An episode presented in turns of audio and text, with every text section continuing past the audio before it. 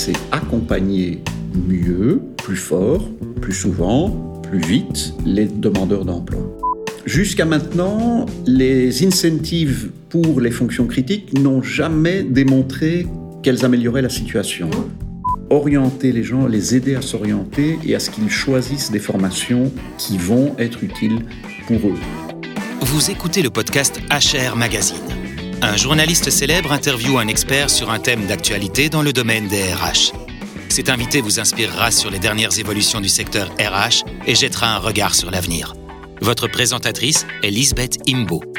Bienvenue dans ce nouveau podcast RH et cette fois-ci, nous allons nous pencher sur les défis auxquels Bruxelles et la Wallonie sont confrontés et ils sont aussi nombreux. C'est pourquoi mon invité aujourd'hui, c'est Arnaud Legrel. Bonjour, vous êtes le directeur Wallonie-Bruxelles chez Fedagon depuis 2005. Je tiens d'abord à m'excuser pour les erreurs de langage que je vais faire parce que je suis pas francophone, c'est pas ma langue maternelle, mais je vais faire mon mieux. Commençons euh, par la situation de 2005 à aujourd'hui. Ici en Flandre, on a parfois l'idée, euh, si on voit les taux d'emploi à, Bruxelles, en Wallonie, euh, on a plutôt l'image négative, hein, il faut le dire. Mais voyez-vous une certaine évolution? Est-ce que nous avons tort? Est-ce qu'il y a quand même une amélioration? Oui, je comprends que cette, euh, image reste. Euh, elle est partagée par certains francophones aussi. Euh, et en effet, elle n'est pas le reflet de la réalité. Il se passe beaucoup de choses. mais la situation est plus compliquée. Moi, je me souviens, vous avez dit que j'étais arrivé en 2005 chez Federgon, c'est vrai, ça fait longtemps. Et je me souviens, en 2005, le premier document qu'on m'a remis sur mon bureau en arrivant chez Federgon, c'était une étude de Federgon sur les fonctions critiques. Et je me suis dit, c'est incroyable parce que je connais la Wallonie et Bruxelles. Et il y a un haut taux de chômage, c'est vrai. Euh, et on parle de fonctions critiques. Et donc on est dans une situation paradoxale. On a autant de fonctions critiques qu'en Flandre, mais on a, à la différence, un haut taux de chômage. Alors petit à petit, la situation s'est un peu améliorée. On a surtout bénéficié de la reprise après la crise de 2008, qui a fait, euh, je dirais, la reprise a beaucoup aidé la Wallonie et Bruxelles. C'est sûr que si on avait fait plus de choses avant, ça nous aurait encore plus aidé, on aurait pu faire encore mieux, mais la situation s'est améliorée. Mais on reste, c'est vrai, avec un chômage qui est important dans ces deux régions, où il faut savoir que, à la différence de la Flandre, nos chômeurs sont des chômeurs qui ont un niveau de scolarité qui est beaucoup plus faible qu'en Flandre. En gros, la moitié de nos chômeurs ont un diplôme du secondaire inférieur. Et ils ont en moyenne, c'est vrai pour la Wallonie, Bruxelles n'est pas tellement loin de ça, deux ans de chômage. En Flandre, on a plutôt un chômage où la majorité ont le secondaire au complet et ils ont souvent moins de un an de chômage. Donc ça fait une énorme différence puisque de plus en plus d'emplois demande des qualifications hautes, c'est-à-dire minimum, les études secondaires terminées et réussies. Et c'est vrai, plus longtemps on reste dans le chômage, plus le risque d'y rester augmente. Et donc voilà la différence un peu dans nos marchés. Et alors, qu'est-ce qu'on peut faire? Il faut investir plus en, en formation alors? Alors, je crois qu'il faut être honnête. On a lancé des politiques d'activation des chômeurs depuis longtemps elles ont été menées avec euh, plus de vigueur pendant longtemps en Flandre qu'en Wallonie ou à Bruxelles. Même si le Forum était par exemple celui qui sanctionnait le plus, mais le fait de sanctionner plus cachait un peu la réalité, c'est-à-dire que la sanction, c'est exclure quelqu'un des allocations. Je crois que ce que l'on n'a pas fait assez bien, et c'est en train de changer, c'est accompagner mieux, plus fort, plus souvent, plus vite, les demandeurs d'emploi. Et là, on a, eu pendant longtemps un petit retard et il en reste des traces aussi bien dans le fonctionnement d'Actiris que dans le fonctionnement du Forum. C'est vraiment en train de changer, donc je crois que ce retard se réduit, mais il est vraiment, vraiment temps. Oui, parce que euh, surtout euh, dans le cas des, métiers en pénurie, maintenant, le gouvernement a dit mais c'était c'est pas la première fois euh, qu'ils veulent faire ça. Mais bon, euh, de nouveau, ils veulent que les régions hein, travaillent ensemble pour que les chômeurs de la Wallonie trouvent un travail en Flandre ou on cherche des personnes aussi euh, dans les métiers en pénurie. Ça va marcher cette fois-ci. J'espère que ça va marcher, mais c'est une problématique qui est assez euh, compliquée. Je vais prendre deux petits exemples. Je me souviens que vers 2006-2008, nous avions trouvé que peu de Bruxellois trouvaient le chemin de Zaventem. En fait, très rapidement, je me suis rendu compte, en essayant de le faire moi-même, que rejoindre Zaventem en travaillant le week-end ou la nuit avec les transports en commun, c'était impossible parce qu'il n'y avait pas d'accord entre les, les sociétés de transport public, Stib à Bruxelles, de l'Aisne en Flandre, pour faire le trajet, et que ces, ces lignes n'étaient pas desservies 24 heures sur 24, 7 jours sur 7. Ça complique évidemment beaucoup la mobilité, en particulier pour des gens à bas salaire qui n'ont peut-être pas leurs moyens Et de ça n'a transport. pas changé maintenant. Ça commence à changer. Ah oui? On a là, ça a progressé. Je me suis rendu compte que pour euh, la Wallonie, avec le lien vers, par exemple, dans le Hainaut euh, et avec la Flandre orientale ou occidentale, hein, en particulier les bassins de chômage de Tournai et de Moucron, il n'était pas si facile de rejoindre Courtrai. Et donc ça, ce sont des choses qui mettent du temps. Pourquoi? Parce que par exemple, les sociétés de transport comme de l'Aisne ou, ou euh, en, en Wallonie, les TEC, ils ont des contrats de gestion. On leur demande d'être performants. Et c'est sûr qu'avoir une ligne de transport pour transporter quelques jeunes travailleurs la nuit, le week-end, c'est pas forcément rentable. Mais c'est vrai que si on les a pas, c'est compliqué. Et donc toutes ces discussions, malheureusement, prennent du temps et ça renforce cette lenteur dans l'évolution des situations. Donc c'est une très bonne chose qu'on remette ce dossier sur la table. C'est clair qu'on a des réserves de main-d'œuvre que l'on doit pousser à traverser la frontière linguistique. C'est une frontière absolument invisible. Les entreprises euh, du côté flamand sont très demandeuses de personnel. Il y a énormément de possibilités. Elles ne demandent pas des bilingues parfaits, pas du tout. C'est très très rare de demander un bilingue parfait, donc euh, on doit l'encourager, on doit s'y mettre, et en tout cas, euh, Et c'est surtout un problème de mobilité? c'est un problème de mobilité physique, c'est un problème de mobilité, je dirais un peu intellectuelle. C'est vrai que plus on est éloigné du travail, plus aller dans le village d'à côté est conceptuellement euh, difficile à faire. Euh, je m'en suis rendu compte au travers de, de, projets concrets que nous avons mis en œuvre que c'est vrai que pour les gens, quitter les frontières de leur quartier, c'est parfois très très très compliqué. Et donc, a fortiori, quand c'est aller travailler dans une autre langue, ça devient une montagne insurmontable. Mais c'est finalement purement psychologique. Donc, il faut accompagner les gens, c'est toujours la même chose. Et c'est aussi une question d'argent, parce que maintenant aussi, le gouvernement permettra aux chômeurs hein, qui effectuent un métier en pénurie de cumuler leur salaire avec euh, leur, leur chômage, les allocations qui, de chômage. Ça aussi va donner un incentive aux gens? C'est une bonne question. Jusqu'à maintenant, les incentives pour les fonctions critiques n'ont jamais démontré qu'elles amélioraient la situation. Non. Maintenant, j'espère me tromper, qu'on on va voir des différences. D'un autre côté, les fonctions critiques sont les mêmes, non seulement chez nous, entre les trois régions, mais même dans le monde entier. Donc, je ne suis pas sûr que euh, on va trouver beaucoup de Wallons euh, dans des fonctions critiques qui vont aller travailler en Flandre parce qu'ils pourraient travailler en Wallonie dans ces fonctions critiques. Et pourquoi est-ce que c'est un problème partout, hein, les fonctions critiques? Il y a des gens en, chômage partout. Il y a ces, métiers-là qui, demandent hein, des mains, des gens euh, pour les remplir. Pourquoi est-ce qu'on ne trouve pas un moyen de, faire ce match? Alors, c'est une question très compliquée et pour moi, c'est une des plus belles questions pour lesquelles on n'a pas vraiment des réponses définitives. Pendant cet été, j'avais un peu de temps sur la plage et du coup, j'ai un peu travaillé ce dossier-là en regardant les fonctions critiques. Travailler sur la plage, non. Si, hein si, si c'est très, c'est formidable de travailler sur la plage. Et j'ai regardé les fonctions critiques euh, dans le monde entier pour me rendre compte qu'effectivement, elles sont à peu près les mêmes partout. La bonne nouvelle, c'est qu'on n'est pas la zone dans le monde où les fonctions sont les plus critiques, où il y a la plus grande tension. Mais en gros, ce sont les mêmes métiers qui manquent partout.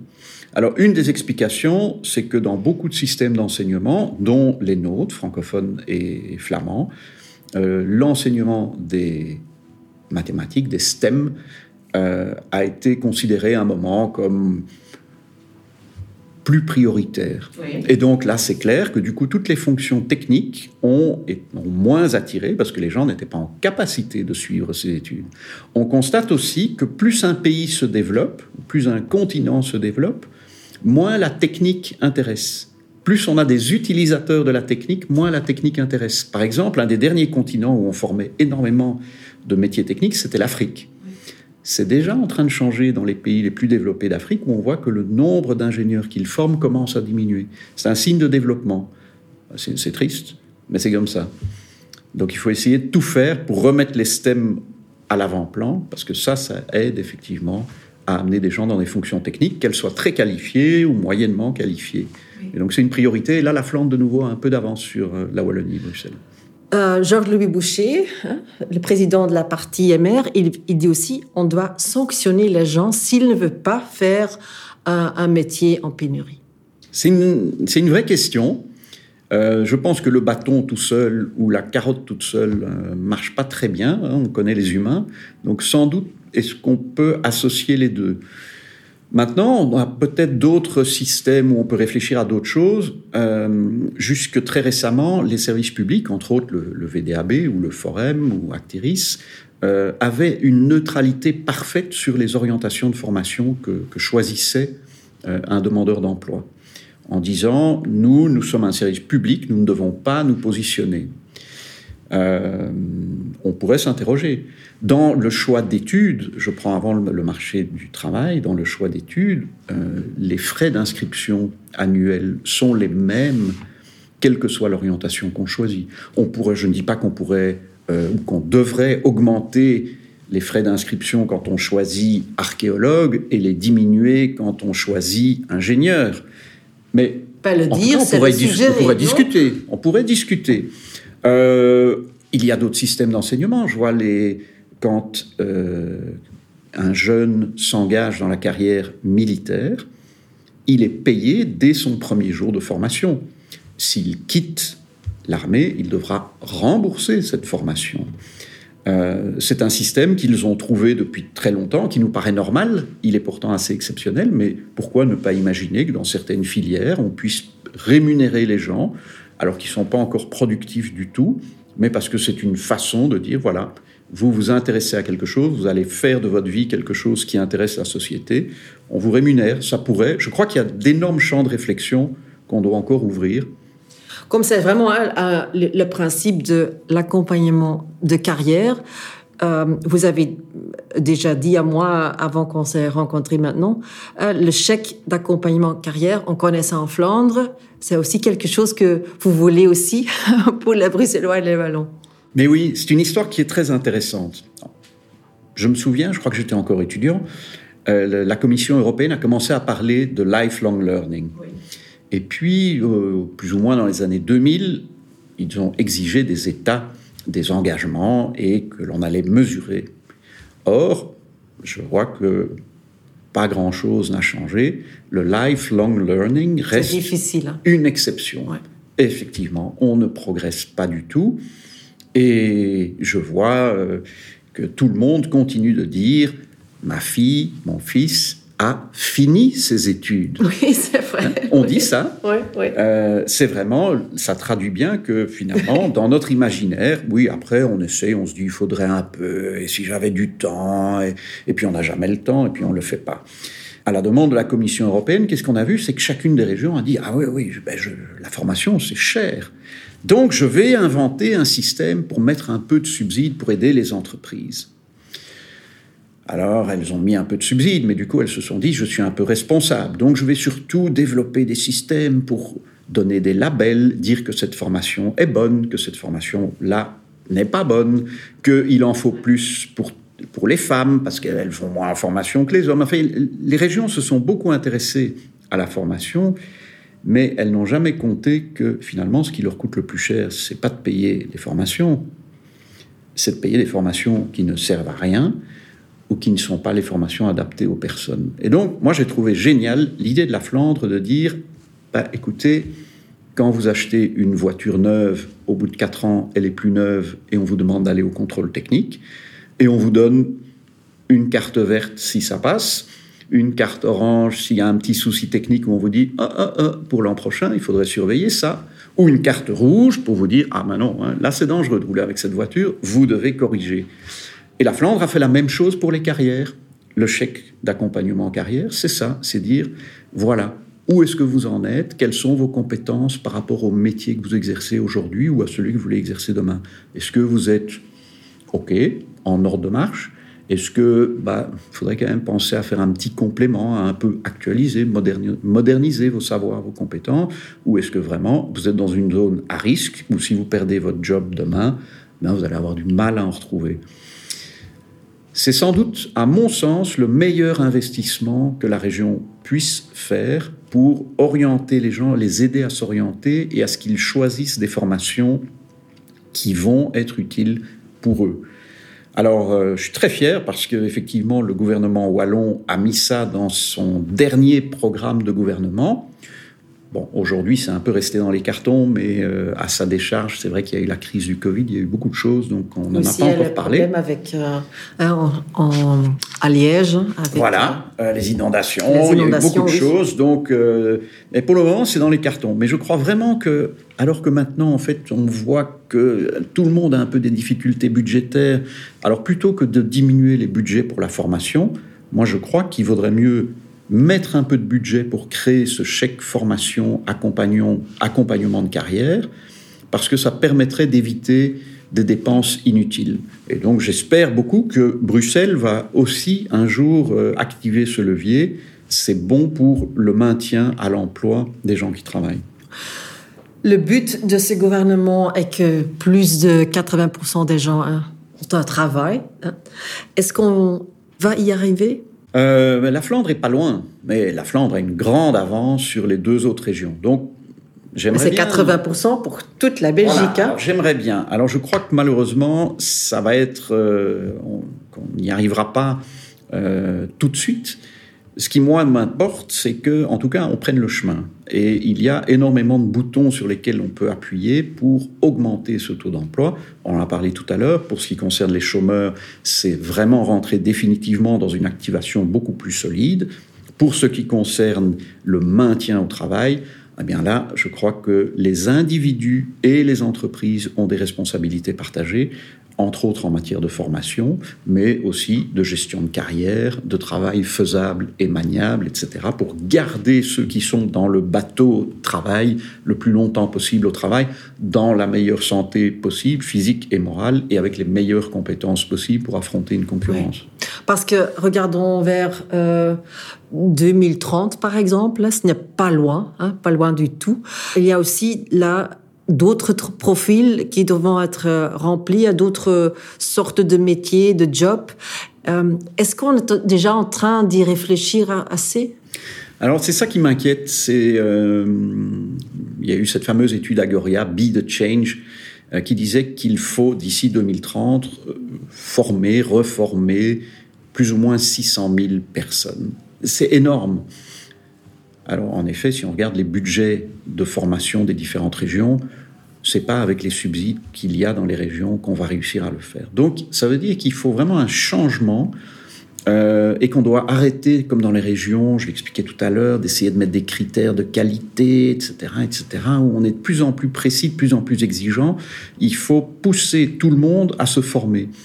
Euh, j'ai vu dans le cadre de, des, inondations et un peu avant des initiatives citoyennes de, de formation. Moi, je trouve ça formidable des gens qui disent tiens ben moi je suis un spécialiste en telle matière je réunis pendant quatre samedis matins mes voisins et je vais transmettre euh, des compétences à ces gens parce que ça va être des, choses clés. Ça s'est passé.